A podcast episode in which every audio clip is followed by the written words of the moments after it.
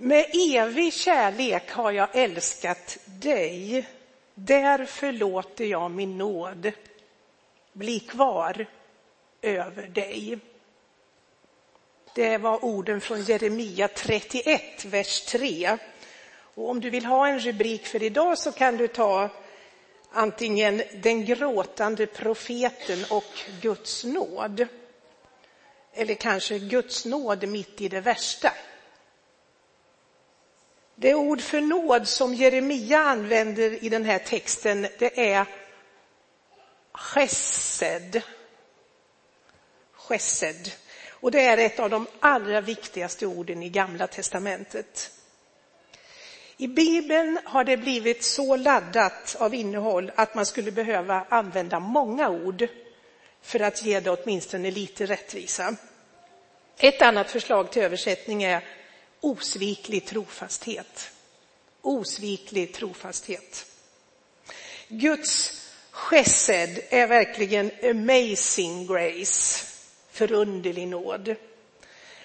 Och när Jeremia här i samma andetag talar om Guds eviga kärlek och hans förblivande nåd så är det ju två olika sätt att tala om det ofattbara djup av godhet som finns i Guds hjärta och som bestämmer hans sätt att handla med oss. Jag ska säga att jag läste från, första, eller från eh, folkbibeln och att i Bibel 2000 så står det godhet istället för nåd. Och jag kommer fortsättningsvis att växla lite mellan de översättningarna.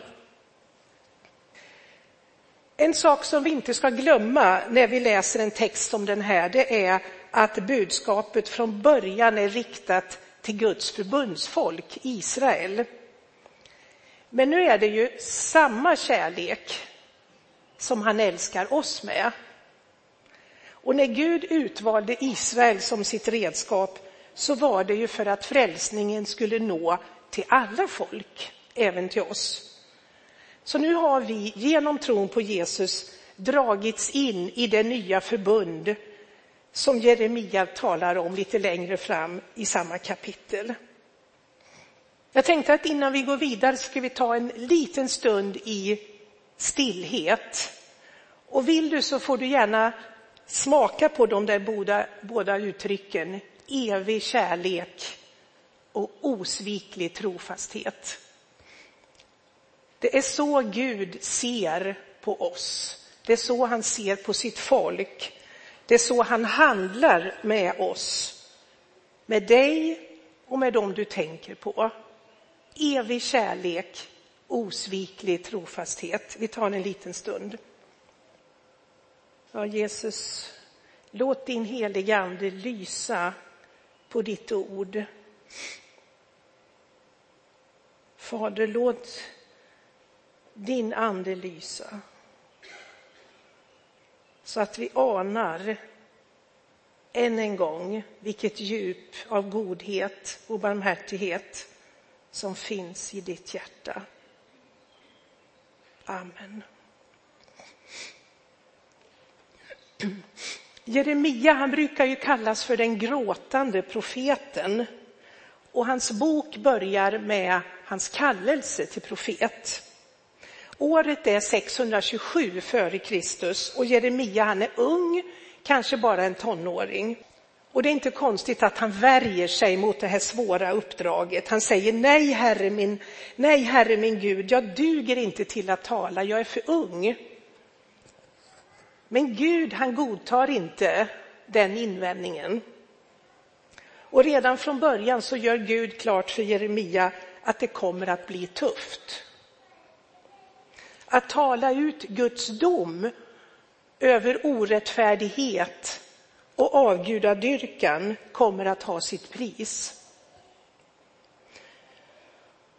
Både i Jeremias bok och i klagovisorna som enligt traditionen också har skrivits av Jeremia så hör vi på flera ställen hur profeten klagar.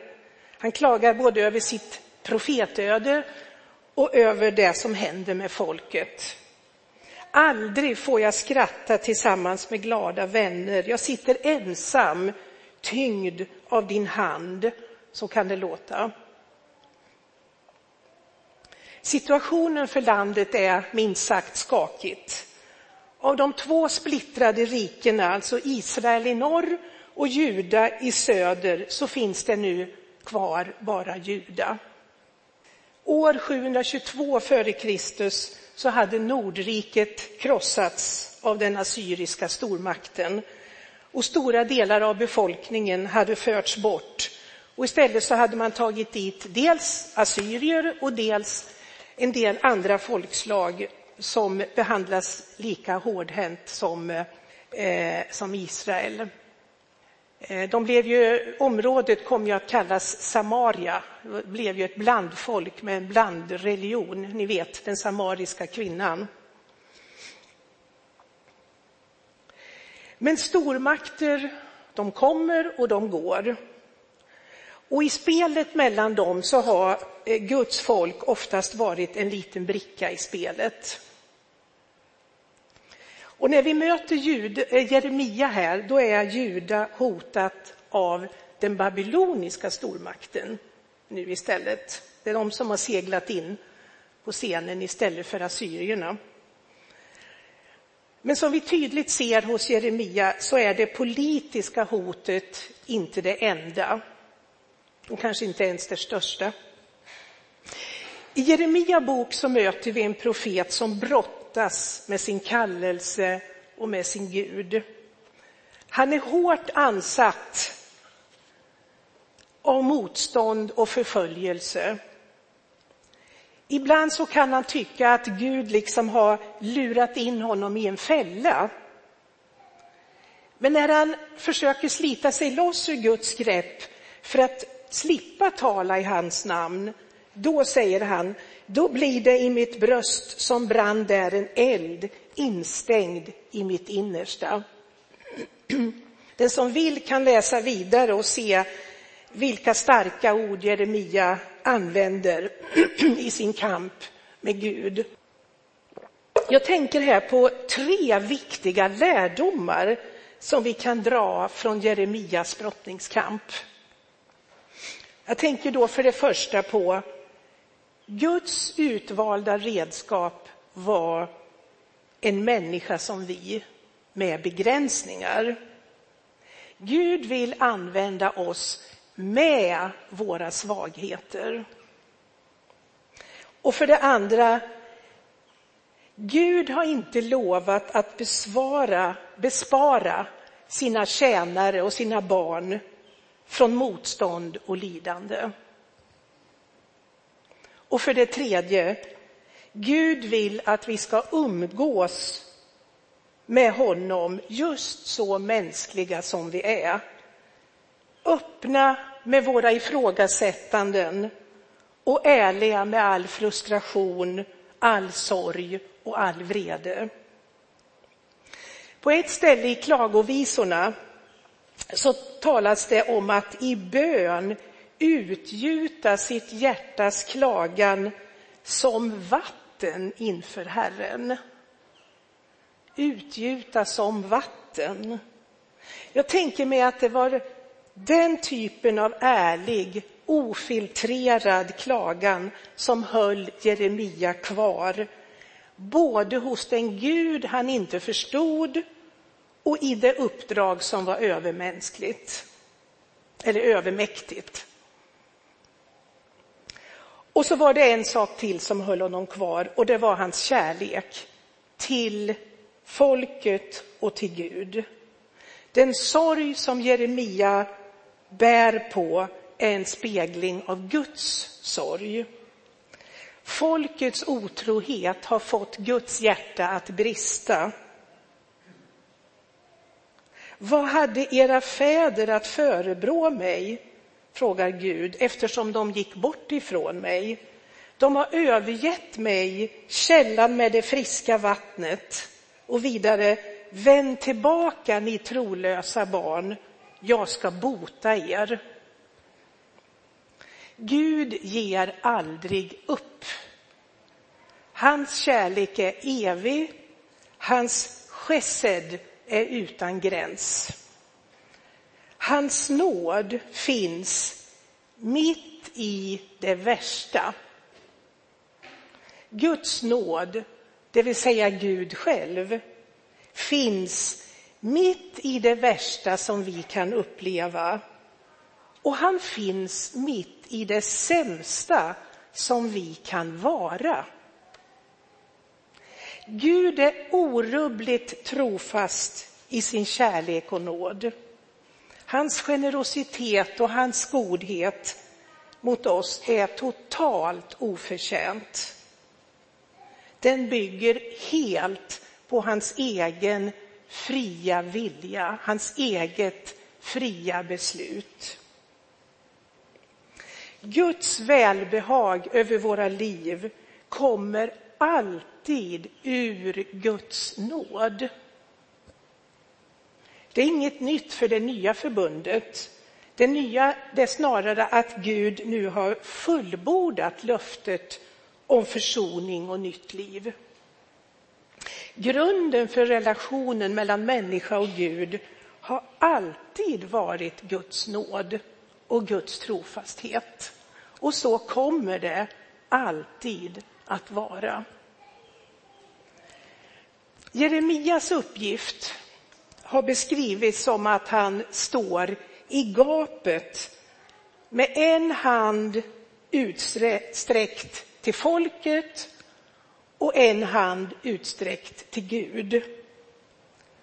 Så som en lidande Herrens tjänare så blir han en bild av den Herrens lidande tjänare som 400 år senare skulle sträcka ut sina båda armar på korset för att förena Gud och människa. Jeremia, han hade nära på slitit sönder av den här sprickan mellan sitt folk och deras Gud. Men Jesus, han kom att dö då hans hjärta brast för att hela det här gapet slutgiltigt.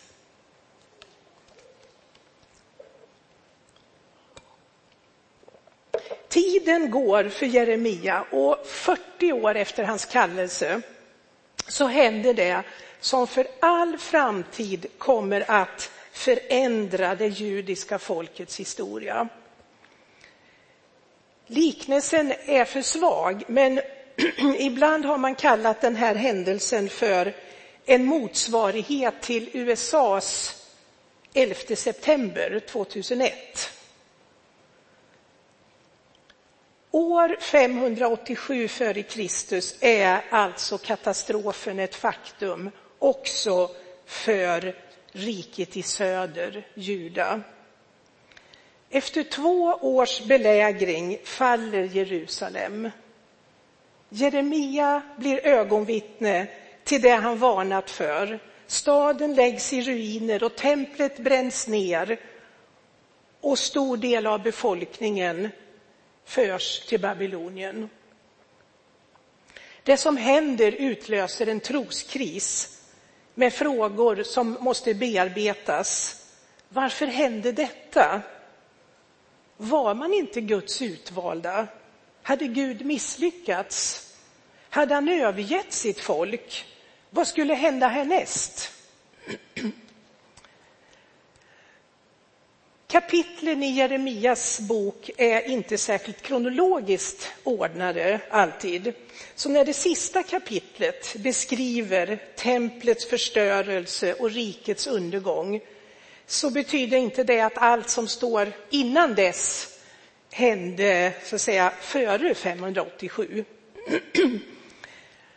Och vi ser där att boken mest av allt är fylld av maningar till omvändelse. Och precis som Jeremia befarade så möttes dessa maningar oftast av stängda öron. Men, och det här är huvudpoängen, Gud överger inte sitt vilsna, upproriska folk. Det är huvudpoäng, en huvudpoäng i boken och det är en huvudpoäng i Bibeln överhuvudtaget. Och i Jeremia 29 så anar vi ljuset. För så säger Herren, när 70 år har gått för Babel ska jag ta mig an er och uppfylla mitt löfte att föra er tillbaka till denna plats. Jag vet vilka tankar jag har för er, säger Herren, nämligen fridens tankar och inte ofärdens för att ge er en framtid och ett hopp. Och efter det där så följer ytterligare fyra kapitel med fler profetier om befrielse. Det förbundsfolk som gått sina egna vägar bort från Gud för att tillbe andra gudar, de blir gång på gång försäkrade om att Gud en dag ska vända deras öde och föra dem hem igen. Gud lovar att bryta förtryckets ok och läka såren. Hans hjärta blöder för dem. Han är full av barmhärtighet och medkänsla. Och när Jeremia talar om den långa färd som ska föra till folket tillbaka hem från Babel så jämför han den färden med uttåget ur Egypten, Exodus. Den gången räddade Gud folket från faraos svärd. Och sen fick de ju i 40 år uppleva Guds omsorg i öknen. Och till sist när vandringen var slut så fick de komma till ro i sitt land. Och då är vi framme vid den texten som vi, där vi började och jag läser den igen, men jag tar med en vers innan, alltså Jeremia 31, 2-3. Så säger Herren, det folk som kommer undan svärdet finner nåd i öknen. Israel får gå dit där jag ger dig ro. Fjärran ifrån uppenbarade sig Herren för mig. Och så kommer uppenbarelsens kärna. Med evig kärlek har jag älskat dig. Därför låter jag min nåd bli kvar över dig. Samma nåd som förde Israel från Egypten till det utlovade landet ska föra dem från Babel hem igen till sitt land. Och jag klipper lite grann från eh, verserna som följer sen, där Gud lovar än en gång ska jag upprätta dig, än en gång ska du plantera vingårdar på Samariens berg. Jag är en far för Israel. Han som skingrade Israel ska också samla det och bevara det som en herde bevarar sin jord. För Herren ska friköpa eh, ska befria Jakob och friköpa honom från den som är starkare än han. Och då kan vi tänka Babylon, vi kan också tänka alla destruktiva krafter, inklusive synden och döden. Jag ska friköpa honom från den som är starkare än han. De ska komma och jubla på Sions höjd. Deras själ ska vara som en vattenrik trädgård och de ska inte sörja mer. Folket ska få komma hem igen, men inte nog med det. När Gud talar hopp så är horisonten vid. I vanlig ordning så är det profetiska perspektivet inte begränsat till ett enda skeende, ja inte ens till två. Utan invävt i Guds löfte om att göra slut på den babyloniska fångenskapen finns löftet om en större, mer genomgripande befrielse. Som så ofta i profetiska texter så finns det här lager på lager på lager. Och löftets slutgiltiga uppfyllelse har vi inte sett än, utan vi väntar. Däremot så har den avgörande uppfyllelsen skett. För både uttåget från Egypten och hemkomsten från Babel var förebilder eller en slags smakprov på den största av alla räddningsaktioner, Den som radikalt har förändrat världens framtid. Även om vi ännu inte ser alla konsekvenser. Den befrielsen, den uppfyllelsen är den som allt hänger på. När Jesus på korset säger allt är fullbordat, då har det stora uttåget skett. Då är skriften fullbordad. Då är Guds löften uppfyllda. Då behövs inget mer för vår frälsning.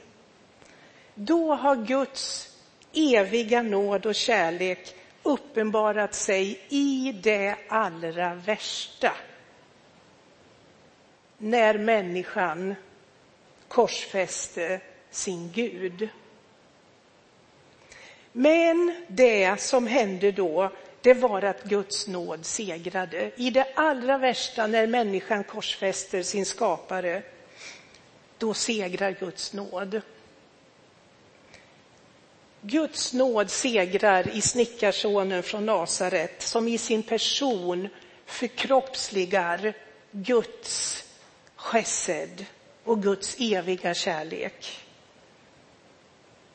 När han gick ut ur graven så bar han med sig en ny mänsklighet ut från syndens och dödens fångenskap. Vilket uttåg! Och så till sist, på tal om uttåg. Så när Lukas i sitt evangeliums nionde kapitel berättar om Jesus på förklaringsberget så är det flera saker där som för tankarna till eh, Israels ökenvandring. Vi har Mose, han är där och talar med Jesus. Vi har härligheten och molnet och vi har Guds röst som hörs ur molnet. Och jag ska inte gå in på allt det där nu, utan bara peka på vad Lukas säger i vers 31. Alltså Lukas 9.31. Han säger enligt Bibel 2000 att när Mose och Elia visade sig så talade de om vad då? Jo, Jesu uttåg. Jesu uttåg ur världen som han skulle fullborda i Jerusalem. Folkbibeln talar istället om Jesu bortgång som han skulle fullborda. I, eh, som han skulle fullborda. Och i grundtexten då, vad står det i grundtexten? Jo, där talas det om Jesu exodus. Exodus är alltså grekiskans ord för uttåg. Jesu exodus som ska fullbordas i Jerusalem. Det var vad Moses och Elia samtalade med Jesus om på berget. Och troligen är det med avsikt som texten är dubbeltydig. Jesu bortgång fullbordar vårt uttåg, vårt exodus tillsammans med honom. När Jesus dör på korset så fullbordas vår och hela skapelsens befrielse.